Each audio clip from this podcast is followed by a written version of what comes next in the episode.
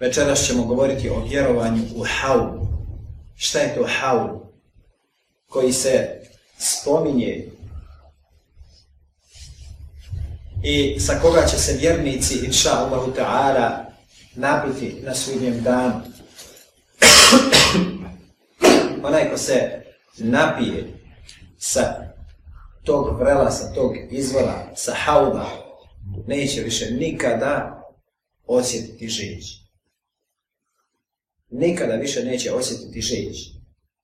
Kao što će Allah subhanahu wa ta'ala na sudnjem danu svoj hlad staviti sedam vrsta ljudi, u onom hadithu seb'atem yudhilluhum Allahu fi dhillihi la illa će Allah na sudnjem danu staviti svoj hlad kada drugog hlada neće biti.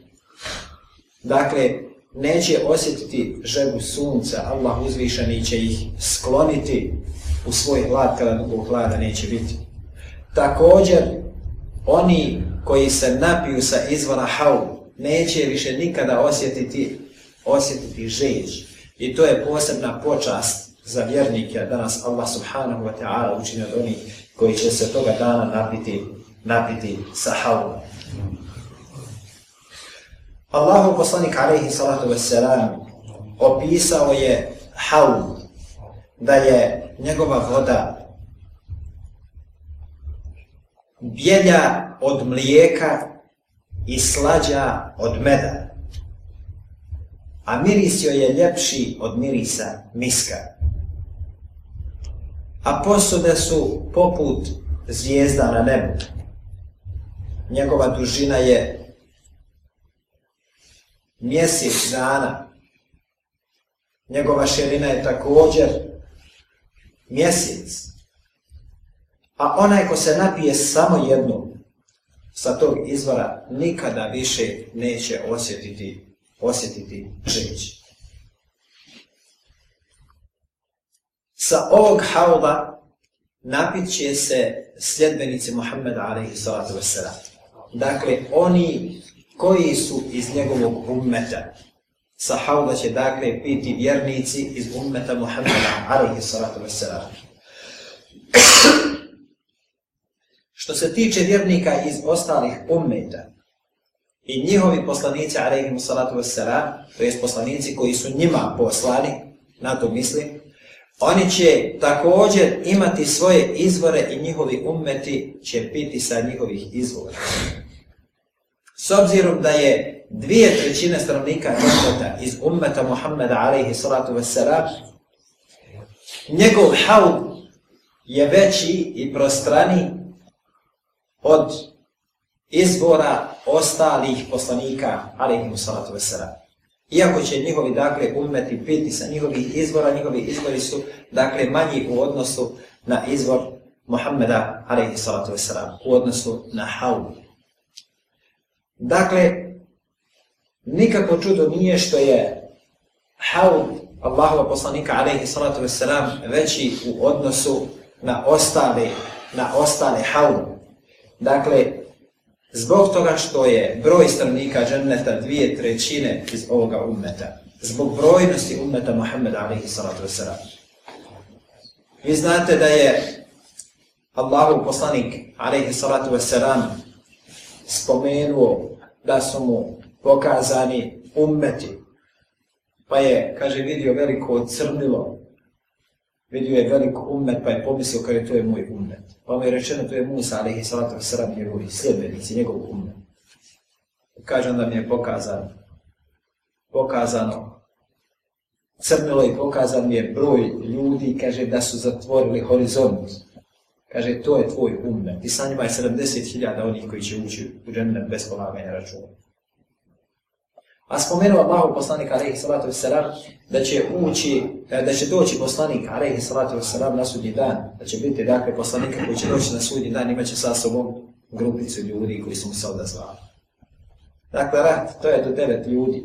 To je mala skupina ljudi. Ili kaže, doći će na sudnji dan, poslanik imat će sa sobom jednog ili dvojicu. Ili kaže, doći će, poslanik neće imati sa sobom nikoga nijednog sedmenika neće imati. Ali umet Muhammeda alaihi salatu je najbrojniji.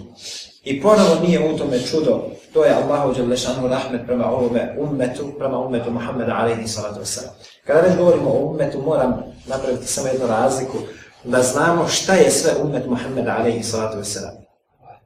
Ummet Muhammeda salatu se dijeli na dvije vrste.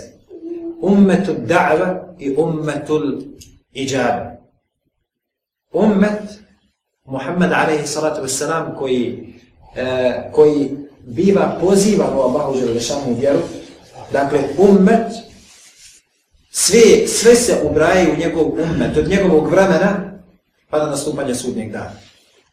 I vjernici i nevjernici.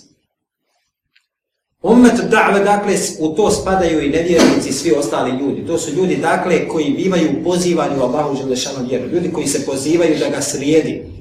A umet Riđave su oni koji su se odabra, odazvali pozivu Muhammeda alaihi salatu wasalam.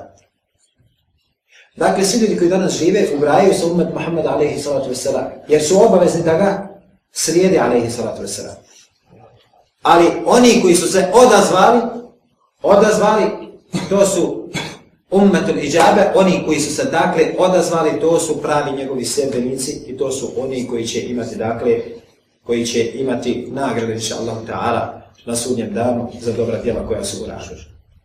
Dakle, danas kada mi upotrebimo termin ummet, može da obuhvata jedno ili može da obuhvata drugo. Kažemo, svi ljudi su danas, dakle, e, ubrajaju se ummet Muhammeda, alaihi da znamo razliku između ove, ove dvije, e, između ova dva termina, ukoliko se upotrebi u različitim kontekstima.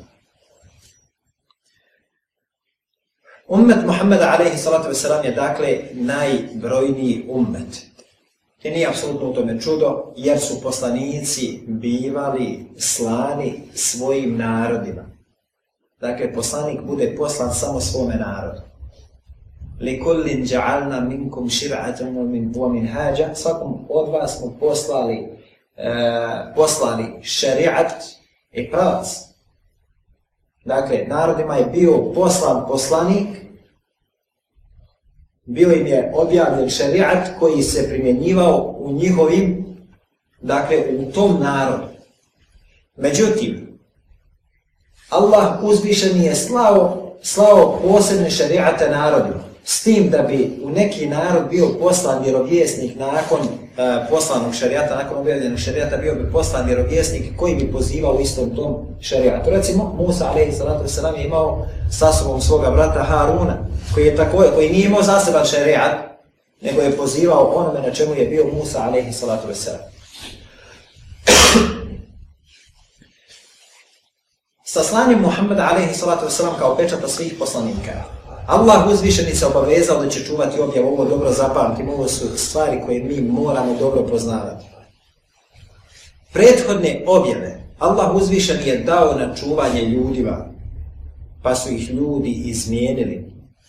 Vrijeme je prolazilo, pa ih ljudi nisu uspjeli očuvati. Tako je u Tevrat dopisivano, u je dopisivano i mijenjano. Međutim, sa objavom Kur'ana Allah uzvišeni se obavezao da će ga on čuvati. I u tome je mudrost očuvanja Allahove tebareke ta'ala knjiga. I kada su nevjernici pokušavali da izmjenu nešto od Allahove želešanu knjige, u tome nisu mogli uspjeti jer Allah uzvišeni je sačuvao svoju knjigu u prsima brojnih mladića i djevojaka, ljudi srednje dobi i starih ljudi u čijim prsima Allah uzvišeni je sačuvao, sačuvao svoju objavu. Dakle, iako bi ljudi uspjeli izmijeniti nešto u štampanom mushafu, to se nije moglo desiti jer su to ljudi vrlo, vrlo brzo otkrili. Dakle, nije moglo da nađe plodno tlo među muslimanima jer su muslimani vrlo brzo to otkrili i uvijek bi takav pokušaj nevjernika e, završio propašću i nisu nikada uspjeli da na nekom području, dakle, prošire, prošire e, mushaf koji bi imao tu određenu izmiju. Mi vidimo koliko se nasrće na Allahu subhanahu ta'ala knjigu. Ne znam koliko ste obavješteni da je čak u Sarajevu bilo prije par dana organizovano i dogovoreno paljenje mushafa. Sakupili se naime nevjernici, bosanci i nevjernici Hrvati i nevjernici Srbi, ateisti, bezbožnici, oni koji ne poštuju svoj mozak, koji ne poštuju svoj um, koji ne poštuju svoje dostojanstvo, koji ne poštuju svoju pamet, koji ne znaju u što vjeruju, bezbožnici, ne vjeruju ni u što. Organizovali su se, sakupili se i najavili paljenje mushafa. Hoće da kažu da se oni ne slažu da se oni ne slažu sa vjerom. I naravno, samo su razmišljali o paljenju mushafa, nisu razmišljali o paljenju inđila, niti su razmišljali o paljenju tevrata. To je sve pokušaj nevjernika min beni detina, što bi reci Arapi, od naše boje kože, da uznamiravaju muslimane. Ali eto izgleda, hvala Allah subhanahu ta'ala, da nije došlo do takvog incidenta jesu se pobunili, pobunile se naše bošnje. Naš bošnjo zna da je to Allahova knjiga. On u vitrini drži litru rakije, a da neko zapali mushaf, on će glavu za to. Da naš bošnjo. On se ne može pomiriti s činjenicom da neko napada na vjeru. Zato i šije veoma teško prolaze kod nas, iako nađu plodnog tla kod nekih ljudi. Jer naš Bošnja zna da voli Ebu Bekra. On zna da voli Osman, on zna da voli Omer, on zna da voli Ali. I kad neko dođe i počne o njima nešto pričati, on zna Hazreti Fatima i Aisha radijallahu ta'ala, to su žene koje se moraju poštovati. Ako neko o njima nešto loše govori, nešto to smrdi kod tebe, odmakni od mene. To je terminologija našeg bošnji. že nešto kaže smrdi kod njega u njegovom govoru, nek se makni od mene. Dakle, nevjernici i prije, i danas, i opet će pokušavati, nije u budućnosti, da nasrću na Allahovu subhanahu wa ta'ala I nemojte misliti da su to pokušaj koji se dešavaju samo ovdje kod nas na našem prostoru. Otvoren je rat između nevjerstva i telhida deset stoljeća nakon stvaranja čovjeka.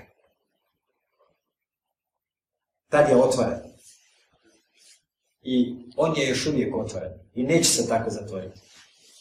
On se neće tako zatvoriti.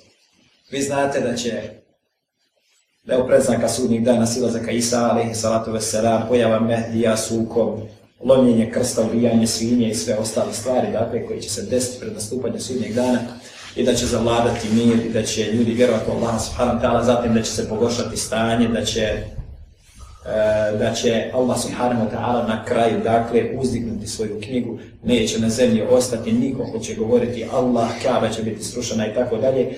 Dakle, tada će nastupiti sudnji dan nad najgorim stvorenjima koja, su, e, koja će posjeti na zemaljskoj kugli. Tako da će Allah subhanahu wa ta'ala poslati vjetar koji će biti blag iz pravca Jemena, po nekim želema iz pravca Šama i da će se, dakle, da će taj blagi povjetarac uzeti dušu svakog vjernika onoga ko bude imao u svome srcu koliko je trun imanje. Tako da neće ostati niko na zemlji ko će govoriti Allah. I nad njima će nastupiti, dakle, sudnji dan. Vjernik danas kad, eh, kad se govori, recimo, o ovoj tematici malo poteško to izgleda da će doći takvo stanje, jel tako? Međutim, Allahu poslanik, alaihi salatu wasalam, je to nagovijestio i zapamtimo. U to apsolutno ne možemo posumnjati. To je poslanik, alaihi salatu na nagovijestio i to će se upravo tako desiti. Dakle, nevjernici će se boriti protiv Islama na sve moguće načine. Na sve moguće načine. Vi vidite koliko se prije svega izaziva islamofobija koliko se dakle napada na poslanika alaihi salatu vesera. I nemojte misliti, nije to samo danas. Napad na poslanika Alehi salatu vesera i na majke pravovjerni, na ensarike, desio se od desio se još u vrijeme poslanika Alehi salatu vesera. Od strane jevreja još u vrijeme poslanika Alehi salatu vesera. Vjernicima naravno svima nama teško pada i mora nam teško padati i kakav bi naš iman bio ako nam to ne bi teško padalo, napad na poslanika alaihi ili napad na uzvišenu, na eh, Allahu tvarke ta'ala knjigu, napad na Allaha subhanahu ta'ala, to nama mora teško padati, ali zapamtimo jedno, oni uvijek žele da nas uznemiravaju najosjetljivijim stvarima. I uvijek ispituju teren da vide koliko su muslimani budni, koliko muslimani spavaju. Dakle, to, su, to je strategija borbe protiv islama. To jest, to ulazi u strategiju njihove borbe protiv islama. Uvijek dođu sa određenim temama da vide koliko su uopće muslimani svjesni. Vi se sjećate nedavno pitanja vjeronauke u školi.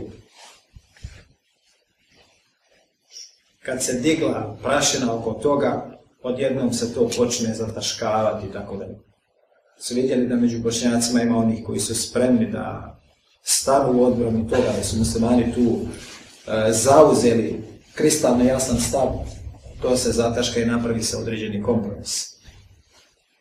Kada osjete da su muslimani budni i svjesni u nekim pitanjima, vi znate da je gej parada koja je bila organizovana u Sarajevu, vi znate da su naši bošnjaci ljudi koji ne planjaju, ljudi koji su daleko od vjere, da su oni bili ti koji su polomili one koji su došli na tu paradu. Čili koji naklanjaju namaz. Vi znate da su Srbi prije par godina u Beogradu sve ih polomili tamo. Zbog čega? Zbog toga što se ne slažu, ne slažu sa takvim stvarima. Ali oni uvijek ispituju takve stvari među muslimanima. Stvari koje vrijeđaju muslimane, pa tako nije njima čudo da oni organizuju takve stvari, recimo u toku Ramazana, da oni vrijeđaju osjećaj muslimana i da ih iznamiravaju. I nije čudo što uvijek izliječu sa koji kakvim izjavama kojima će oni povrijediti muslimane. Dakle, to se dešavalo i prije, dešava se i danas i dešavat će se, i dešavat će se i u budućnosti. Ali moramo znati da E, svako od nas ne smije osjetiti smiraj sa takvim stvarima, ne smije biti miran, treba prije svega dati svoj doprinos na očuvanju Allahove subhanahu ta'ala vjere shodno dakle svojim mogućnostima i ono najminimalnije što može svako od nas da uradi, da uputi do Allahu subhanahu ta'ala, da im da zabavu, da se zabave sami o sebi, da nemaju vremena, da uznemiravaju muslimanje. To svako, svaki pojedina, svaki musliman može učiniti u bilo kojem trenutku, dakle uputiti do uzvišenom Allahu subhanahu wa ta'ala. Ono što je obaveza vjernika na sudnjem, da vjeruje u pogledu sudnjeg dana jeste vjerovanje u sirat. U sirat čupri, koja se opisuje da je tanja od dlake, oštrija od sadi.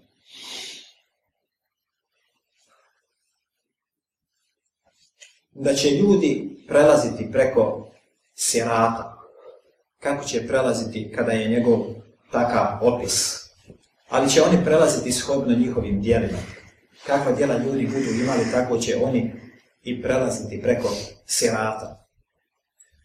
Biće oni koji će koji su se natjecali u činjenju dobrih djela u životu na ovom svijetu, koji su bili prvaci u činjenju dobra, oni će lako preći preko sirata. će ih koji će preći poput pogleda. Tako će brzo preći kao što čovjek baci pogled. Biće ih koji će prelaziti poput munje, biće ih koji će prelaziti trčić. biće ih koji će prelaziti preko sirata, hodajući, pužujući.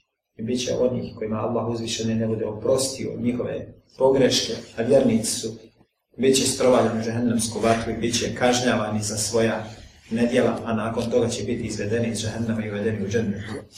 A nevjernici neće dakle nikako prijeći preko sirata, nego će oni biti učeni e, naglavački bacani u žehennemsku vatru, a i da nas Allah subhanahu ta'ala sačuva. Dakle, vjernik vjeruje da će na sudnjem danu ljudi prelatati preko sirata čiji je opis takav Ishodno ljudskim dijelima kakva djela ljudi budu činili, tako će i prelaziti preko sirata. Shodno tome mi trebamo da se takmičimo, dakle, u činjenju dobra, da što više i da činimo, jer e, što sa boljim dijelima dođemo pred Allaha subhanahu wa ta'ala, to će nam biti lakše i polaganje računa i prelazak preko, prelazak preko sirata.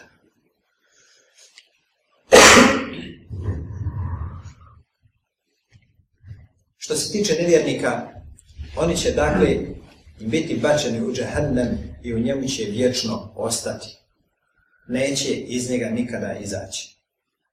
U pogledu vjernika, vjernici, dakle ovo je akidat ehlisunata al vjernici kojima ne budu oprošteni grijesi, nego ih Allah uzvišeni bude ispitao za njihova djela i bude ih kaznio za neka njihova djela, odnosno nedjela, oni će biti kažnjeni za ta djela i nakon toga će biti izvedeni iz, iz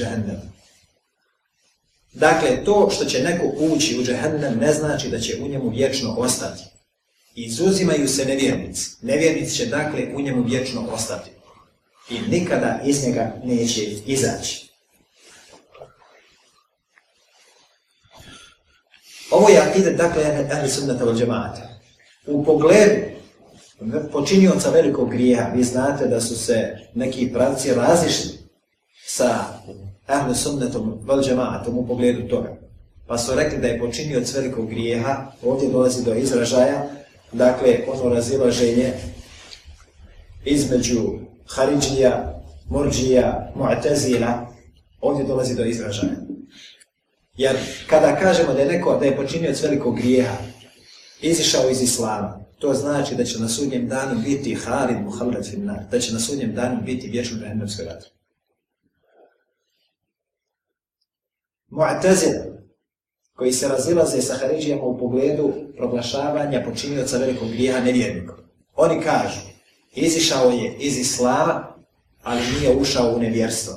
Dakle, nije postao nevjernik. Nije musliman i nije nevjernik na dunjalu. Ali se slažu sa Haridžijama u pogledu njihovog boravka na sudnjem danu i kažu da će biti vječno u džahannamskoj vatri. To je tema dakle, koja je vezana, pogledajte, počinjac velikog grija na ovom svijetu i vidite kakva posljedica ide na budućem svijetu. Evo, sad ću spomenuti šta znači ta lančana reakcija od jednog pogrešnog shvatanja. desilo se, već se desilo, da je jedan od onih koji je zapao u problematiku proglašavanja muslimana nevjernici. Počeo proglašavati nevjernicima pojedinci, pa je jednog proglasio, pa drugog, pa trećeg, pa četvrtog, pa je onda naravno pobrojao Bosance i Hercegovice, pa je onda proširio svoj dijapazon u pogledu ljudi Međutim, kada je došao do pitanja ashaba, onda se počeo javljati problem. Jer je zbog određenih dijela proglasio neke ljude u današnje vrijeme red. Recimo, Hatim ibn Vibelta je uradio jedno dijelo koje je zaista teško. A to je obavijestio je stanovnike Mekke da dolazi poslanik Alejsa sa vojskom. Šta je tu? Izdaje. A Hatib ibn al-Ibn Bebelta je učesnik Bedra. Poslanik alaihi salatu wassalam šalje neke od ashaba da donesu pismo koje je on poslao. I naravno, to pismo je doneseno i upitao je Hatiba zašto je to uradio. Šta kaže Hatib ibn Bebelta? Pogledajte, njegova namjera, znači on pojašnjava zašto je to uradio. Allahu poslanče, nisam ja to uradio zbog svoje ljubavi prema njima, zbog ljubavi prema nevjerstvu i zbog mržnje prema poslaniku, ali sam samo prema vjeru. Nisam zbog toga to uradio. Nego sam ih samo htio obavijestiti o tome da dolazite, da dolazi muslimanska vojska, da htio sam obavijestiti svoju rodbinu da se skloni. A Omer radijallahu ta'ala traži dozvolu da mu glavu odsječe. I poslanik Ali Isu Tuselam ne korio mera nije mu rekao, nije ga, nije ga posebno ukorio nego mu kaže, ne, možda je Allah uzvišen, pogledao učestnike bedra i rekao im radite šta hoćete u dijelu. Ja sam im uprostio. Uradio je Hatib dijelo koje je puno veći od ove njegove pogreške. I poslanik Alehi Salatu Salam je to njegovo, njegovo pojašnjenje prihvatio. I naravno, s obzirom da su oni koji su napravili određene pogreške ovakvog tipa od muslimana koji žive danas proglašeni nevjernikom od strane ovakvih pojedinaca, desilo se da su došli do Hatiba, recimo i njemu sličnih koji su uradili određene pogreške u vrijeme poslanika Alehi, Salatu Salam. E, kažu, ej, sad smo mi došli do ashaba, šta ćemo sad? Sad treba nešto kazati, treba imati uvjerenje u pogledu ashaba, šta ću sad? Šije su tu, kaže, bil najbolji. Oni su, kaže, najbolje viđenje u to pogledu I otišli su u Šiza. Šije, kaže, imaju najbolje uvjerenje. Šije se čije kažu ashabi se odmetnuli od Islava, hajmo kaže sa njom. Ovo vam je, ovo je jedan od problema s kojim se suočava svako ono što krene takvim putem. Jer sa tom lančanom reakcijom mora čovjek mnogo što šta uvjeri promijeniti, mnoga pravila mora promijeniti. Kad se kaže da je počinio velikog grija, ne vjerujem. Znate šta se stvari mora promijeniti u vjeri, šta se, šta se e, pravila mora promijeniti da bi čovjek uskladio svoj stav. Man la ilaha illa Allah dehala džene. Ko kaže la ilaha illa Allah ući će u džene. Subhanallah. Počinio svelikog grijeha nevjernik. Zbog čega? Zbog tog što je omalovažio Allahovu knjigu. Ili zbog tog što je, što je prekršio Allahov propis. Pa subhanallah, dešavalo se recimo da u vrijeme poslanika Alehi Sallatu Sallam počinje iz Pa vrijeme poslanika Alehi bilo oni koji su pili alkohol. Pa dešavalo se da su bili počinjeni velikih grija, međutim nisu proglašeni nevjernici. I kad se desi takva reakcija, onda se naravno kut ćemo s ljudima na sudnjem danu. Trebamo kazati šta će biti s njima na sudnjem danu. Ljudi su radili dobrih dijela, međutim, ako se kaže da su nevjernice na ovom svijetu na sudnjem danu za njih, mora čovjek kazati da će biti na sudnjem danu vječnom džahennemskoj vatru. Šta kazati za one koji će izići iz dženneta, Posljednji stanovnik koji će izići, koji će izići iz Šta kazati za posljednjih stanovnika dženneta? Kažnjen, gori u vatri, šta za njega kazati? Zbog čega je on kažen kako izvedeni iz džahnema i uveden u džennet? Morao je biti kažen zbog određenih loših dijela. Mora biti kažen zbog određenih loših dijela. Šta to znači? Znači da počinio velikog grijeha nije, nije nevjernik. I to je ahida tehli sunnata od Zapamtite, počinio velikog grijeha nije nevjernik. Počinio velikog grijeha je u šariatu tahtel mešije. Šta to znači? pod Allahovom šanu voljom. Ako Allah bude htio, kaznit će ga, a ako bude htio, prostit će Što će Allah šanu nekome oprostiti, to je Allahu Đelešanu rahmet. I zapamtite rečenicu. Onaj kome Allah oprosti, oprostio mu je zbog svog rahmeta.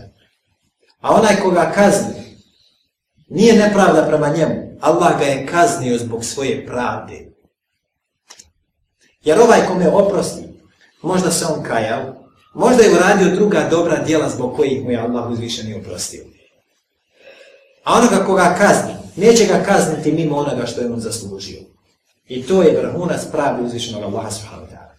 Dakle, Allah subhanahu wa ta'ala je pravedan, a on je i milostiv i samilostan, zato se trebamo kajati Allahu subhanahu wa ta'ala za za počinjeni grijeh. Dakle, na sudnjem danu nevjernici će biti vječni u džehennemskoj vatri, a vjernici će biti vječni stanovnici dženneta, počinioci velikih grijeha, ako ih Allah Želešanu bude htio kazniti, on će ih kazniti. Nakon što budu kaženi, bit će izvedeni iz džehennema i uvedeni u džennet. Ove stvari spadaju u osnovne stvari iz islamskog vjerovanja i ove stvari se trebaju poznavati. Imao sam priliku slušati e, čuđenje od strane braće u pogledu, naravno to se sve radi zbog nepoznavanja ove tematike, čuđenje na to da će neko biti izveden iz džahennema i uveden u džennet. Kaže, čuo, čuo sam, kada pa čovjek govori, bit će neko izveden iz džahennema i uveden u džennet. Dakle, to radi neko iz neznanja i zasigurno će biti ljudi koji će biti izvedeni iz džahnama i uvedeni u džahnem, zašto postoje naravni hadite, brojni haditi Allahovog poslanika 他的意思啊，就是。